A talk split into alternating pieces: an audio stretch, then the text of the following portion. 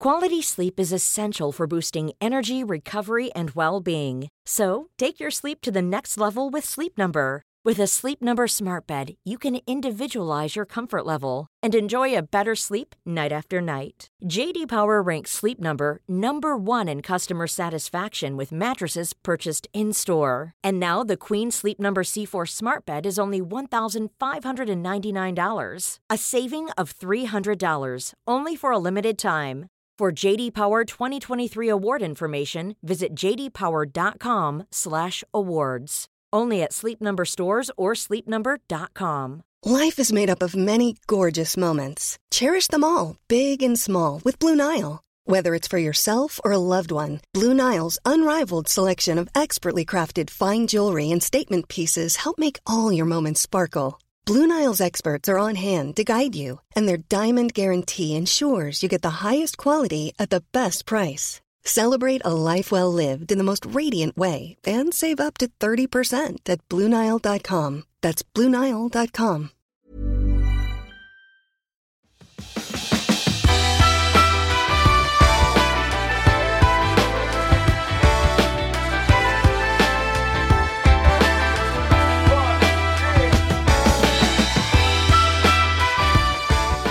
Hej och välkommen till Klimakteriepodden med mig, Åsa Melin, avsnitt 205. Och jag vill börja med att säga att det har kommit ett mejl.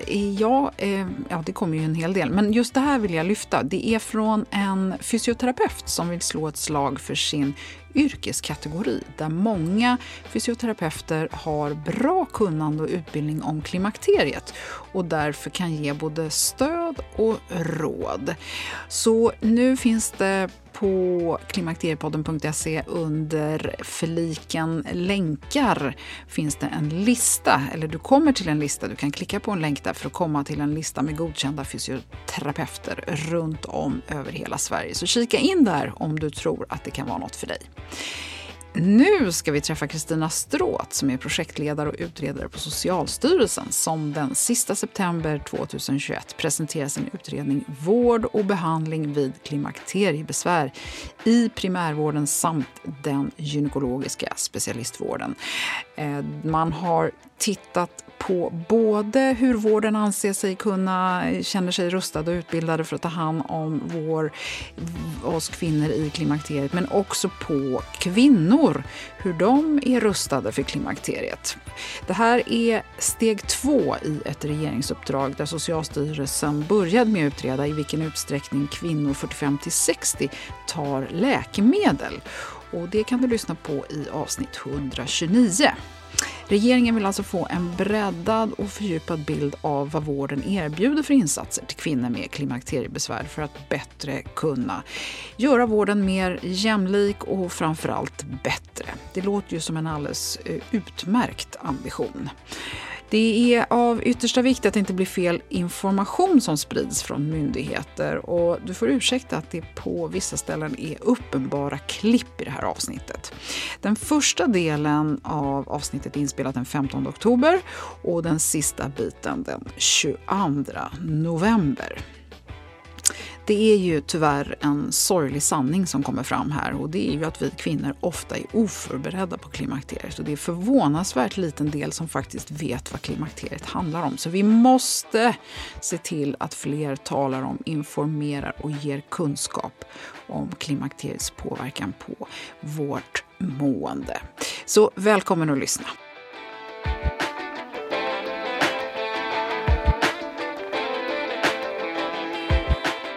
Kristina Stråt, hjärtligt välkommen tillbaka till Klimakteriepodden. Tack så mycket. Vi har ju hört dig i avsnitt 129 och eh, för den som har missat det så kan jag ju väl berätta att vi sitter här på Socialstyrelsen där du jobbar som eh, projektledare och utredare. Och vi har precis pratat om ett spännande projekt som handlar om organdonation som du ska sätta igång med nu. Men framförallt så det vi ska fokusera på nu är vård och behandling vid klimakteriebesvär i primärvården samt i den gynekologiska specialistvården, vilket ni på regeringens uppdrag har utrett och presenterat. Och jag har har även eh, lagt upp det här på Klimakteriepoddens Facebook-sida och mycket kommentarer och, och, lite frågor och lite undringar. Så jag tänker att vi måste reda ut det här nu. Berätta Kristina, vad, vad, vad har vi att säga om det här? Eh, ja, precis som du säger så är ju det här fortsättningen på vår tidigare kartläggning. Eh, så med den här kartläggningen så vill vi både bredda bilden och fördjupa den.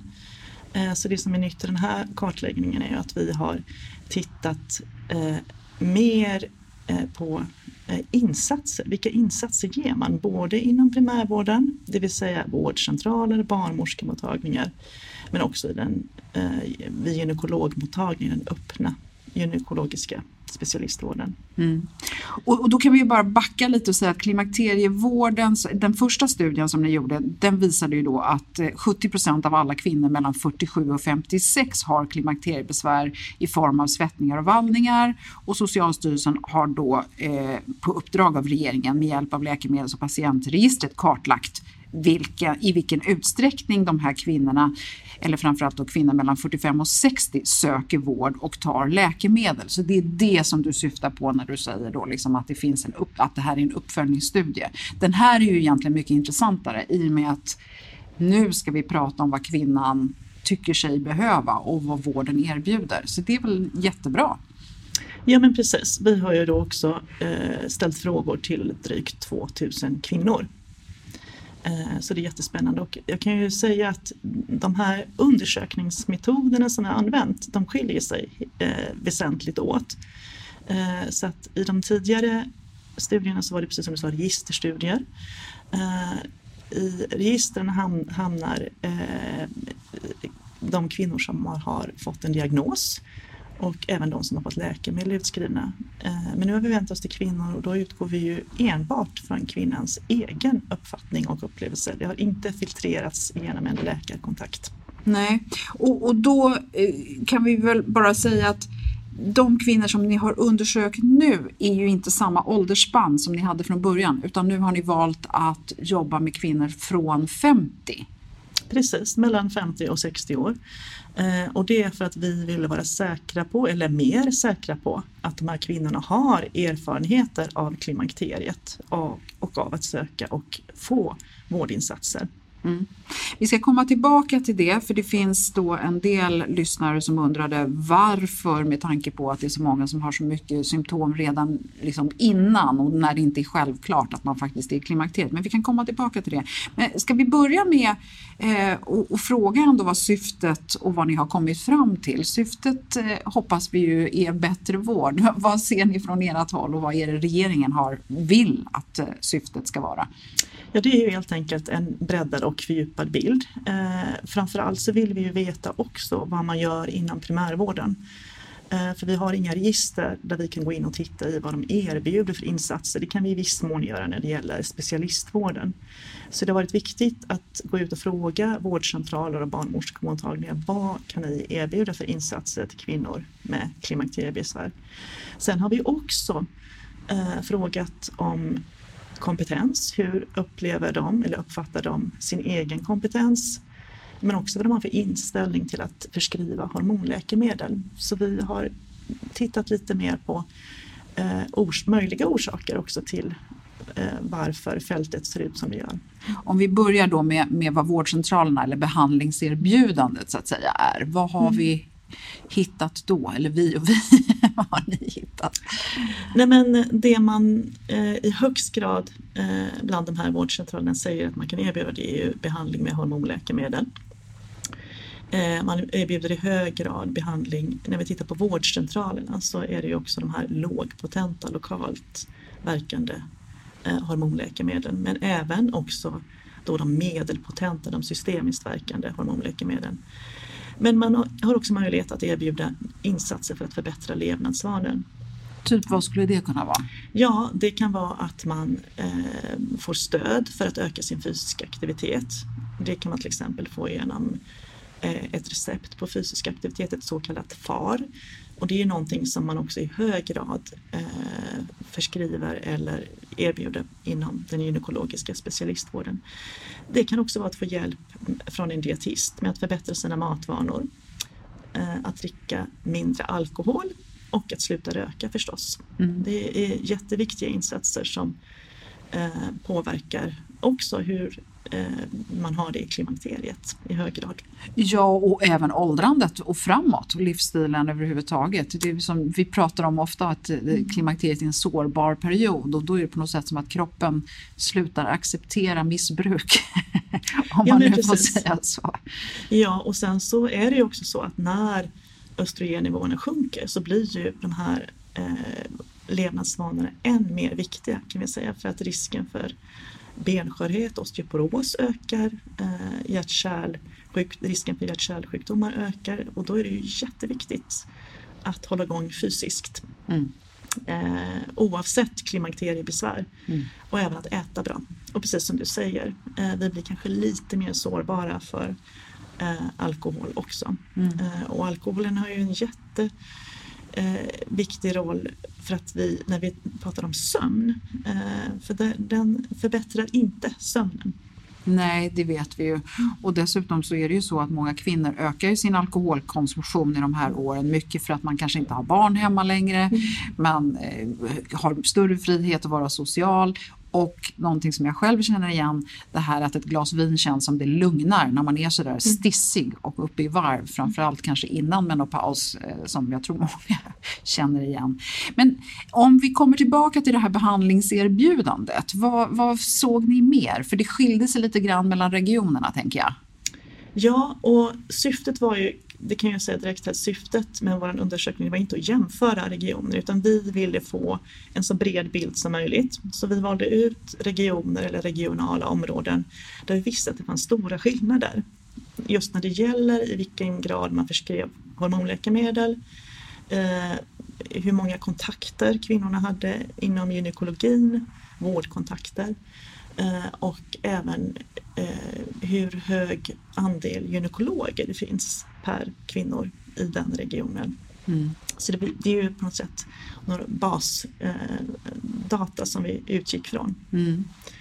Eh, och då ser vi också att eh, vilka insatser man ger varierar mellan de här olika regionerna. Och det gäller allt ifrån eh, vad kvinnor söker för. Eh, så att man, man anger olika antal sökorsaker för klimakteriet Eh, men sen skiljer det sig i vilken mån man förskriver hormonläkemedel och vilka insatser man ger. Även inställningarna till att förskriva hormonläkemedel skiljer sig mellan de här regionerna. Mm. Och om man då liksom ska tänka att den ena är jättemycket och den andra jättelite. Om vi bara tar som ett exempel det här med förskrivning av hormonläkemedel. Vi vet att snittet i landet, nu pratar vi om de systemiska, alltså då inte lokalt östrogen utan det som man tar oralt eller via huden. Vad är liksom, om snittet i Sverige är någonstans mellan 6 och 7 procent, hur såg det ut med de som tar mest eller skriver ut mest respektive minst? Ja, det, de uppgifterna har vi inte tittat på i den här undersökningen utan vi har bara frågat efter eh, vilka hur många vårdcentraler som erbjuder det här. Okej, okay. men fick ni ändå någon känsla för det? Ja, men där kunde vi ju se då att andelen vårdcentraler i varje region varierar mycket ja. när det gäller förskrivning av hormonläkemedel. Ja, okay. Så det ligger någonstans mellan eh, drygt 10 procent och 70 procent av vårdcentralerna i olika regioner. Ja, men som erbjuder men sen faktiskt skriver ut det till antal kvinnor som sen tar det, det vet vi inte riktigt. Nej, det har vi inte tittat på i den här undersökningen. Det, det, tittade vi på i den tidigare undersökningen så att det, man kan säga att det följer också lite samma ett lik, likartat mönster. Vi ser ju eh, att det sammanfaller till viss del med, eh, med antalet gynekologer per 100 000 kvinnor. Men sen har vi också exempel på att, eh, att i andra regioner så är det en större andel vårdcentraler som förskriver hormonläkemedel också, eh, där man också har färre gynekologer. Mm. Eh, så det är inte så att det eh, klockrent hänger ihop på det viset. Nej, okej, okay, så det är inte tillgången på gynekologer utan det är snarare tillgång på vård överhuvudtaget som har en positiv inställning till att förskriva hormonläkemedel kan man säga. För kvinnorna torde ju vara likadana. Om vi kommer till dem nu då, vad, hur, hur, hur skiljer sig kvinnorna åt av de här 2000? För varifrån kom de? Ja, där har vi ett nationellt urval Eh, så där har vi tittat på att det ska vara eh, utbildnings socioekonomiskt och nationellt så vill vi ha en, vill vi ha en spridning när det gäller kvinnorna. Mm. Så där kan man säga att, vi har de mer nationellt mer representativa. Mm. Och vad berättade de? ja, man kan ju, dels kan man säga att de, det var en ganska heterogen bild, det som kvinnorna presenterade. Om vi börjar med eh, Eh, hur förberedda de upplevde sig vara så varierade det ganska stort. Vi hade en grupp, eh, vilket kanske var överraskande, att nästan en tredjedel eh, inte alls upplevde att de var förberedda på att komma i klimakteriet. Medan 10 procent kände sig väl förberedda. Eh, så det var en uppgift. Eh, men sedan så växlade också eh, deras kunskaper kan man säga om hormonläkemedel och även deras inställningar till hormonläkemedel varierade också. Så det är ingen, vi har inget, ingen tydlig Det finns inget att... facit att så här är det. Men vad, du, ni som har jobbat med det här, du som utredare och som har nu satt dig in i den här klimakteriefrågan under så många år. Vad har varit mest förvånande när ni har diskuterat i gruppen och när ni har skrivit ihop den här rapporten? Vad, vad sticker ut? Eh, jag kan väl mer säga att jag tycker att vi har haft att det kommit fram intressanta saker och dit hör ju att en så pass hög andel är oförberedda på att komma i klimakteriet. Eh, en annan, eh, ett annat fynd är väl också att väldigt många kvinnor, nästan majoriteten, efterfrågar ju mer kunskap om klimakteriet. Eh, som, det som beskrivs är ju en brist på kunskap om klimakteriet. Och att man också eh, vill veta vad man kan göra själv för att lindra sina besvär. Så det är egentligen inte vårdens tillkortakommanden som kommer fram i det här? Uppfattar jag det rätt när jag läser mellan raderna? Eh, den frågan har vi inte ställt till kvinnorna på det viset. Eh, däremot så är det uppgifter vi har fått, oss, eh, fått tagit del av på andra sätt. Att både vårdpersonal och kvinnor upplever att det kan vara svårt att få en adekvat insats från vården. Jo, fast det, vad, jag, vad jag tänkte på var snarare att man, det är informationen man vill ha. Det är inte vården i sig som ska så att säga presentera en lösning utan det är mer kunskapen, inte så mycket att man vill ha en insats. Om jag läser mellan raderna i alla fall. Eh, det, vi har inte riktigt ställt frågan på det viset. Eh, däremot så har vi ställt frågan om var man helst vill få en vårdinsats. Eh, så det pek, och där svarade ju då majoriteten att det vill man helst få på en så kallad klimakteriemottagning. Eh, och i andra hand inom gynekologin och i tredje hand på en vårdcentral. Eh, så det är en indikation förstås om att man vill ha så kunnig eller insatt vård som möjligt som kan det här med klimakteriet. Men då förutsätter ju det att man först är beredd på att man ens ska komma i klimakteriet och inte snubblar på vägen in så att säga, tänker jag i alla fall. Ja, men precis. Ja.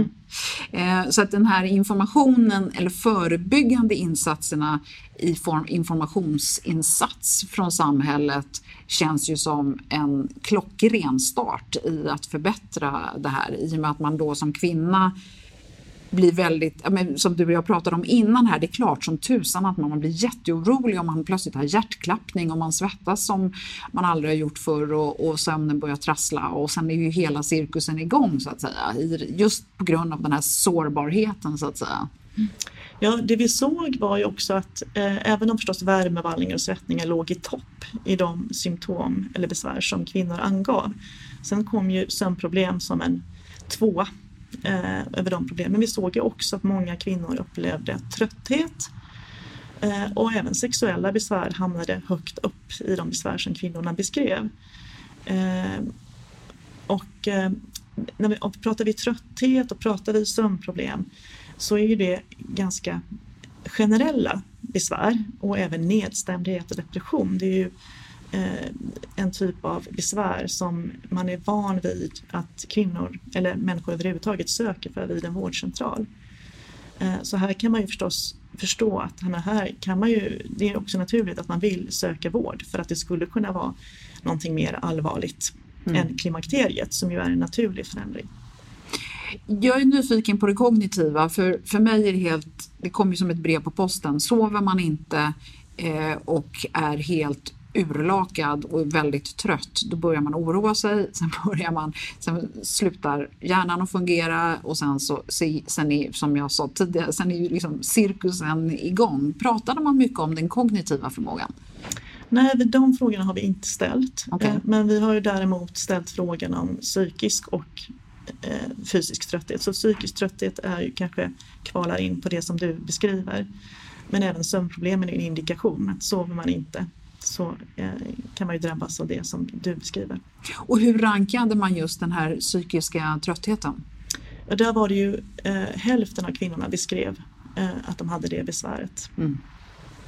Ja, det är svårt att säga vilken insats som är viktigast för vad i det här kan jag tycka. Ja, alltså de, vi har ju inte, vi har inte de, lite, där, var vill du söka vård? Det är ju ja. en sak som vi har sett. Eh, men att de vill ha information och i hög grad veta vad de kan göra själva. Så det är ju den här proaktiva informationen de vill ha.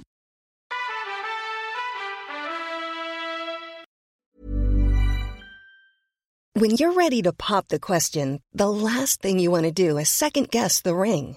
At BlueNile.com you can design a one-of-a-kind ring with the ease and convenience of shopping online. Choose your diamond and setting. When you find the one, you'll get it delivered right to your door. Go to Bluenile.com and use promo code LISTEN to get $50 off your purchase of $500 or more. That's code LISTEN at Bluenile.com for $50 off your purchase. Bluenile.com code LISTEN.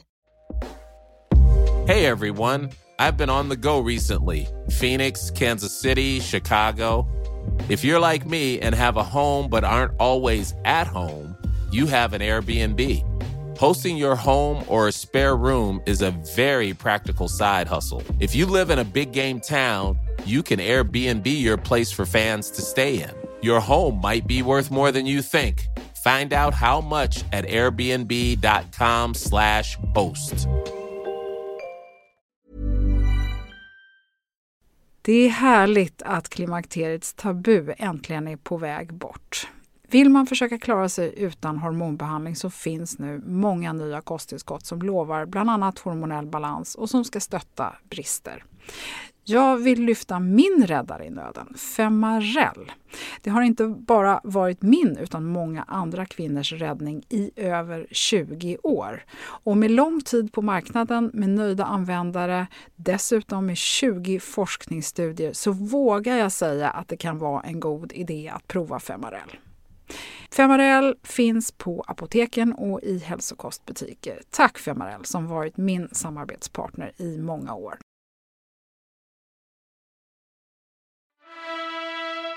I regeringens uppdrag nu, eh, den här, som den här undersökningen egentligen handlar om, så handlar det ju om kvinnans perspektiv. Varför har man från regeringens sida sett att det är viktigt att man tar liksom, kvinnans perspektiv, inte bara vårdens insatsperspektiv?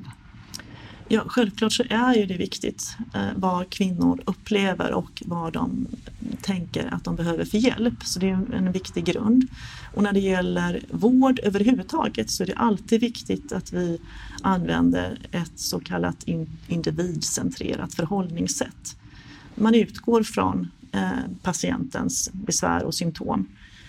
Eh, och i det här fallet så är det också jätteviktigt att kvinnan har tillräckligt mycket information. Att hon har kunskap för att också kunna vara delaktig i beslut om de insatser som hon kan få. delaktig i beslut om sin behandling tillsammans med läkare eller vårdpersonal. Jag tycker när man ställer frågan då, eftersom ni har kommit fram till att man helst skulle vilja ha kunskap från en klimakteriemottagning, hur har den frågan, har man fått de alternativen eller har man själv som kvinna kommit på att det är så man skulle vilja ha hjälpen? Nej, hela den här undersökningen bygger på att det finns färdiga svarsalternativ. Mm. Fanns det någon fråga som var ställd till vården om vad de själva tycker att de har för tillkortakommanden? Eh, vi frågade om de kände sig trygga att ge råd, stöd och behandling vid klimakteriebesvär.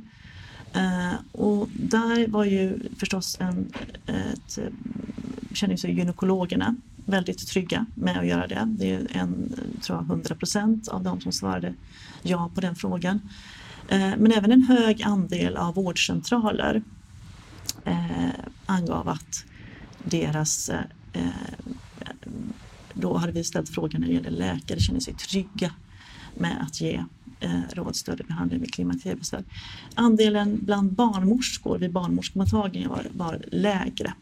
Jag tycker det är superspännande att läkarna känner sig trygga med eh, på vårdcentralen med tanke på att det då har kommit fram så tydligt att de egentligen inte är uppdaterade till stor del. Då kanske de tycker själva att de är uppdaterade fast de egentligen inte är det. Det tycker jag är jätteintressant. Men här kommer det ju fler insatser som är på gång. Bland annat Läkemedelsverket håller ju på att arbeta fram nya riktlinjer som kommer då under 2022. Så här hoppas vi kanske att det blir lite större kunskapsspridande och större trygghet på vårdcentralerna, tänker jag i alla fall. Tror inte du att det liksom kommer kanske lösa sig? Eh, ja, men det är ju jätteviktigt att Läkemedelsverket tar fram och reviderar sina rekommendationer så det tror jag blir ett viktigt stöd eh, för personalen. Så det handlar ju både om eh, hur man utreder och ska sätta in de här läkemedlen men även hur man följer upp dem. Mm. Och speciellt med tanke på att kvinnan då säger att hon egentligen vill ha råd i första hand och inte bara läkemedel. Det är ju ganska få, det vet vi ju eh, sedan tidigare. Att det är inte alla som vill ha läkemedel för sina besvär utan de egna insatserna var viktiga. Ja men precis. Eh, och, eh, sen så, och där handlar, man ju, handlar det ju förstås också, vi har ju också tittat på vad kvinnor har för kunskap om hormonläkemedel. Eh, men det kan ju också vara en, en värderingsfråga, att man i första hand vill försöka lindra sina besvär på andra sätt. Mm. Ja, och det tror jag väl väldigt många kvinnor känner att är man fysiskt och psykiskt in, så att säga, insatt i en fråga så blir det ju mycket lättare också att sortera ut vad det var. Så att säga. Jag behöver inte bli jätteorolig för att jag får hjärtklappning. Jag behöver inte vara superorolig för att jag får en vallning eller att jag svettas på natten. Det är inte så att jag plötsligt måste eh, rusa till doktorn för jag tror att jag är dödssjuk. Om man nu liksom säga är informerad, tänker jag. Ja men absolut, det är förstås en, en grund i att man förstår att det här kanske inte är ett tecken på någon allvarlig sjukdom. Nej. Framförallt de här svettningarna som ju också mm. kopplas ofta samman med kanske cancerdiagnoser och så vidare. Jag förstår ju att till stor del så handlar det här om statistik Kristina, men jag vill ändå komma in lite på tolkningar ändå. För när man tittar på insatserna i de här olika delarna av landet så skiljer ju de sig åt. Eh, och berätta, vad, vad är det som är spännande att plocka upp där? Ja, vi kan ju se att eh, exempelvis så ser vi ju att förskrivningen eller möjligheten att erbjuda eh, hormonläkemedel det varierar mycket mellan de regioner som vi har tittat på. Men sen kan det också vara så att man lägger, betonar kanske andra insatser på olika sätt i olika regioner. Så vi har någon region som i högre utsträckning erbjuder insatser för sexuella besvär och vi har en annan region som jobbar i högre grad med psykologiska insatser. Eh, så här kan det finnas en variation i vad man kanske eh, väljer att erbjuda också. Den tycker jag är jättespännande för jag tänker att det finns många faktorer här. Dels att jag som kvinna pratar med mina vänner och säger åh jag fick jättebra hjälp med sexet. Nu plötsligt så har jag och min man börjat få till det igen. Och då vill någon annan ha det och så blir efterfrågan drivs av eh, eh så att säga inte av erbjudandet utan av, alltså det blir en självuppfyllande profetia lite grann att i en viss region är man superbra på psykologin och i en annan är man jätteduktig på att få ordning på sömnen och i en tredje så eh, tar 20% hormoner. Ja, så kan det bli och det, kan även bli en, den typen av eh, arbetsfördelning inom en region att man har då vissa vårdcentraler fokuserar på vissa ämnesområden så kan det också bli. Mm. Att man drar till sig patienter som vill ha en viss typ av insats. Ja, och jag tänker också att det kan vara någon som är väldigt duktig på någonting på en vårdcentral och det i sin tur gör att man får effekter. Mm. Vilket gör att insatsen blir värdefull. Mm. För vi vet ju att alla de här nivåerna är viktiga. Det sa du ju redan i början att man, eh, man klassade ju sexuell hälsa till exempel väldigt högt. Eh, likväl som man klassar då det här med sömnen och så vidare. Mm. Ja men precis. Eh, och sen så ser vi också att eh, apropå det vi säger att man eh, kan specialisera sig så finns det också eh, andelen utvecklingsarbeten eh, inom just klimakterievård skiljer sig också mellan de här regionerna. Eh, nej men och den här undersökningen är ju en, en övergripande undersökning när vi har tittat på hur man arbetar inom de här olika vårdverksamheterna. Eh, och det är ju också så att man i olika regioner har olika förutsättningar för att jobba med olika typer av frågor. Man kan ha olika stora andelar av olika professioner exempelvis. Det har vi ju sett i det här fallet när det gäller eh, exempelvis gynekologer. Men det kan även gälla andra yrkeskategorier. Och det vi ser i det här arbetet är att det omfattar ju en så, en så stor bredd av symptom som de här kvinnorna också uppger. Eh, att det är viktigt att jobba utifrån en helhetssyn och när man jobbar utifrån en helhetssyn så kan ju fler professioner än läkare ha en viktig roll i det arbetet. Mm. Då Kristina Stråt vill jag önska dig eh, välkommen tillbaka. Du och jag gör en liten fyllnadsinspelning här. Vi började den 15 oktober och idag har vi den 22 november 2001. Och då har vi gått igenom utredningen och det är jättespännande det ni har kommit fram till. Och då är jag nyfiken på vad händer nu? Ja, vi har nu lämnat vår rapport till regeringen eh, med vår bedömning eh, utifrån den här utredningen som vi har gjort och då kommer de i sin tur att titta på den och göra sin egen bedömning. Eh, och det har inte gått jättelång tid sedan vi lämnade rapporten. Eh, och det är också så att på regeringens bord så ligger ju många andra frågor som eh, ibland kan ha högre prioritet. Så nu väntar vi eh, på att få höra också vad man, eh, hur regeringen ser på det fortsatta arbetet. Mm det är inte helt otroligt att man ändå fångar upp det här i och med att det är ganska tydligt det ni har kommit fram till. Att det behövs mer stöd för kvinnor i och kring klimakteriet. Så det känns väl hoppfullt, tycker inte du det? Eh, ja, framför allt så måste vi ju, så har ju regeringen visat ett intresse för frågan. Det här är ju den andra utredningen som vi gör, som man har tagit i steg för steg. Eh, så att jag eh, tror absolut att det finns ett intresse för frågan. Mm. Nej, men det är jättebra. Du, eh, när man börjar med den här typen av arbeten så tar de ju lite tid. Och, eh, jag förstår att du inte alls kan tala om för regeringen sådär, men kan man tänka att det kommer bli nya riktlinjer eller det kommer bli nya... Alltså, finns det någonting som händer i närtid eller är allting som så här, liksom fem år bort i tiden? Eh, jag tror inte att det ligger fem år bort i tiden, men jag kan heller inte eh, sia om eh, i vilken ordning eh, man väljer eh, att eh, i så fall eh, vidta åtgärder. Och, och, vem är ansvarig för vad? Regeringen är ansvarig för att göra ett uppdrag och då är det som du nämnde tidigare, det finns eh, antingen så hamnar det på Socialstyrelsen men det finns ju många andra aktörer. Vilka olika myndigheter är med i bilden när det gäller den här typen av arbeten? Eh, ja, nu är det vi som har fått den här, eh, det här, de här uppdragen till att börja med. Eh, så att jag tänker att eh, Socialstyrelsen är en central myndighet när det gäller de här frågorna. Eh, men sen har vi förstås, eh, som vi vet, andra myndigheter som också arbetar med hälso och sjukvårdsfrågor. Eh, så att, eh, men det kan jag heller inte sia om, eh, utan vi, får, vi på Socialstyrelsen inväntar nu att höra mer om det här. Mm. Nej, men det blir spännande. Om man nu är lite engagerad i den här frågan och känner lite sådär hopplöshet över att det går lite långsamt, vad kan man göra om man vill påverka, Kristina?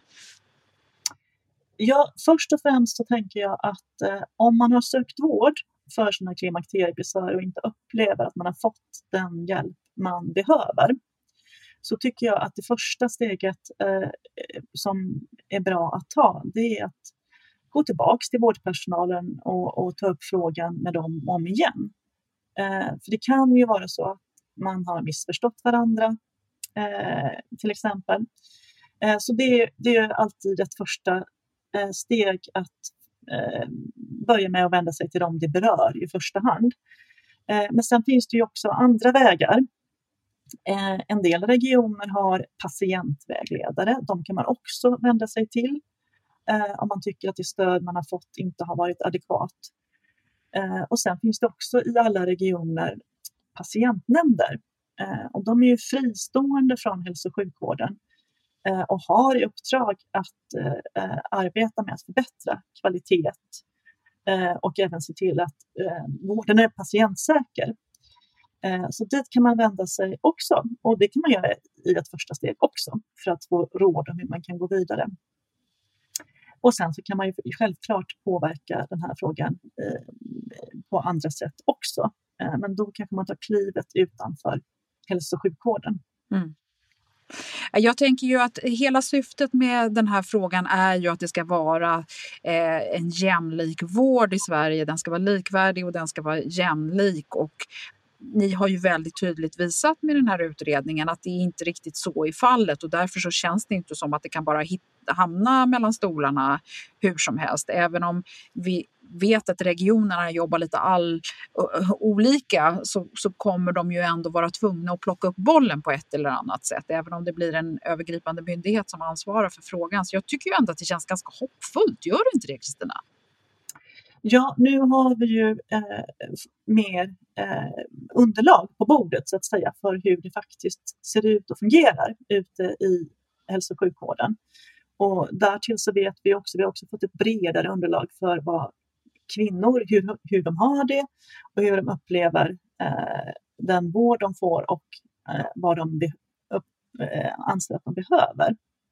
Så att vi har ju ett fylligare underlag för att kunna vidta Eh, åtgärder för att förbättra situationen.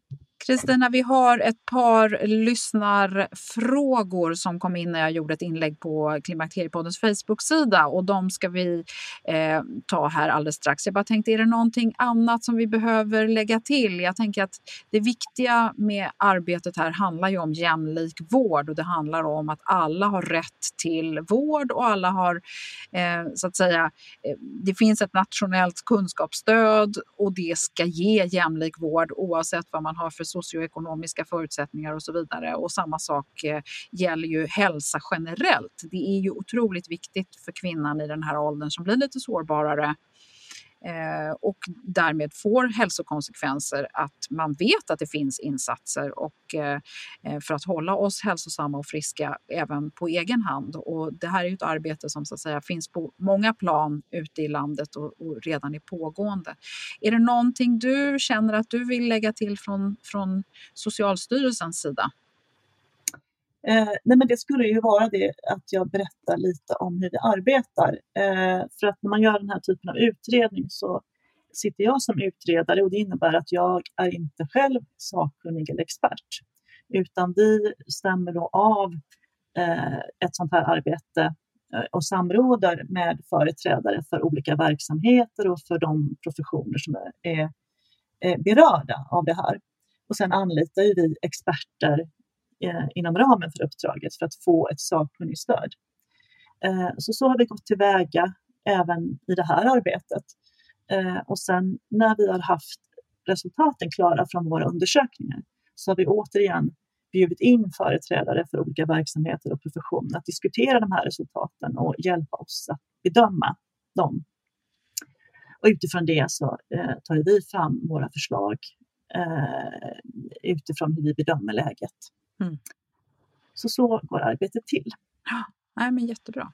Men då Kristina, då eh, kör vi de här lyssnarfrågorna. Och då kom flera frågor var så här, varför bara fråga kvinnor 50 till 59 då majoriteten vittnar om att det var före de hade som värst. Och det svarade du egentligen på i början för ni ville försäkra er om att man faktiskt hade erfarenhet av klimakteriet. Och det är ju väldigt få kvinnor som går in i klimakteriet efter 50 års ålder. Och då pratar vi om alla faser, eller? Ja men precis. De kvinnor, vi har ju ställt frågorna på det viset att kvinnorna kan svara på hur de har haft det tidigare också. Mm. Och då eh, är det eh, ytterligare en fråga.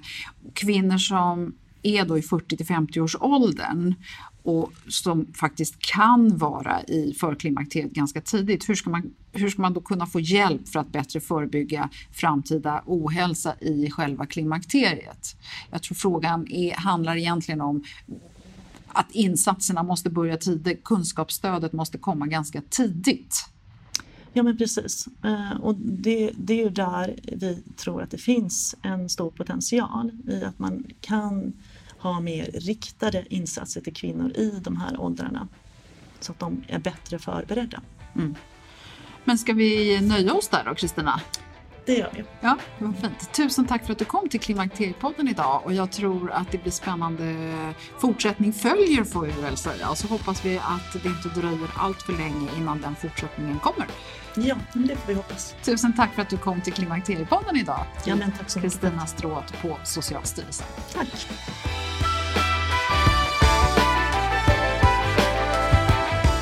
Ja, det finns mycket att säga om det här, men jag lämnar tolkningar och slutsatser till dig. En sak kan jag inte låta bli att kommentera dock, och det är ju väldigt intressant att 100% av de tillfrågade gynekologerna känner sig trygga med att ge rätt vård, trots att vi som lyssnar på Klimakteriepodden vet att alla inte alls är helt uppdaterade med de senaste riktlinjerna och vetenskapen.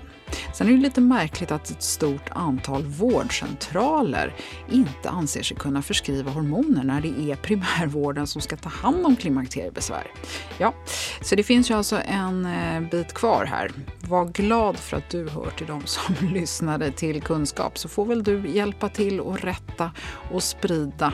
Första delen av Socialstyrelsens undersökning talade vi om i avsnitt 129 så du kan gärna gå tillbaka till det avsnittet om du vill veta mer om hur det står till med den här läkemedelsförskrivningen. En länk till Socialstyrelsen och den här utredningen hittar du naturligtvis under avsnittsinfon på klimakteriepodden.se. Det här med sömn är så viktigt och speciellt nu i mörka tider när många också ökar stressen inför jul. Så vi måste tala mer om det och i nästa avsnitt då kommer sömnkonsulten Lisa Karpevi tillbaka och hon kommer ge oss mer kunskap om vad vi kan göra för vår viktiga och högt skattade sömn. Missa inte det. Tack för att du har lyssnat och välkommen snart igen. Hej då!